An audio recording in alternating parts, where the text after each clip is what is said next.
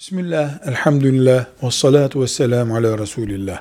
Özellikle e, şehirler arası hatta uluslararası tır kullanan, otobüs kullanan veya diğer araçlarla e, sürekli seferi sayılacak mesafede e, yolculuk durumunda bulunan şoförler veya şoför konumundaki insanlar, mesela şoför değil ama mesleği pazarlamacı olan birisi, ömrü hep yollarda geçiyor seferilik şartı yani 90 kilometrenin üzerinde bir mesafeye gidip 15 gün kalmadan dönme kararıyla orada bulunmak seferi olmak demektir.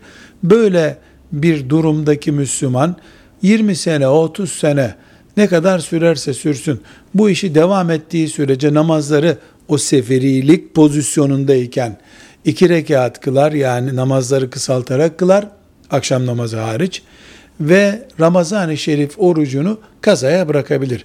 Bu arada evine döndüğü zamanlar yani seferiliği haftada iki gün bitiyorsa o zamanlar bu kurallar geçerli değil şüphesiz.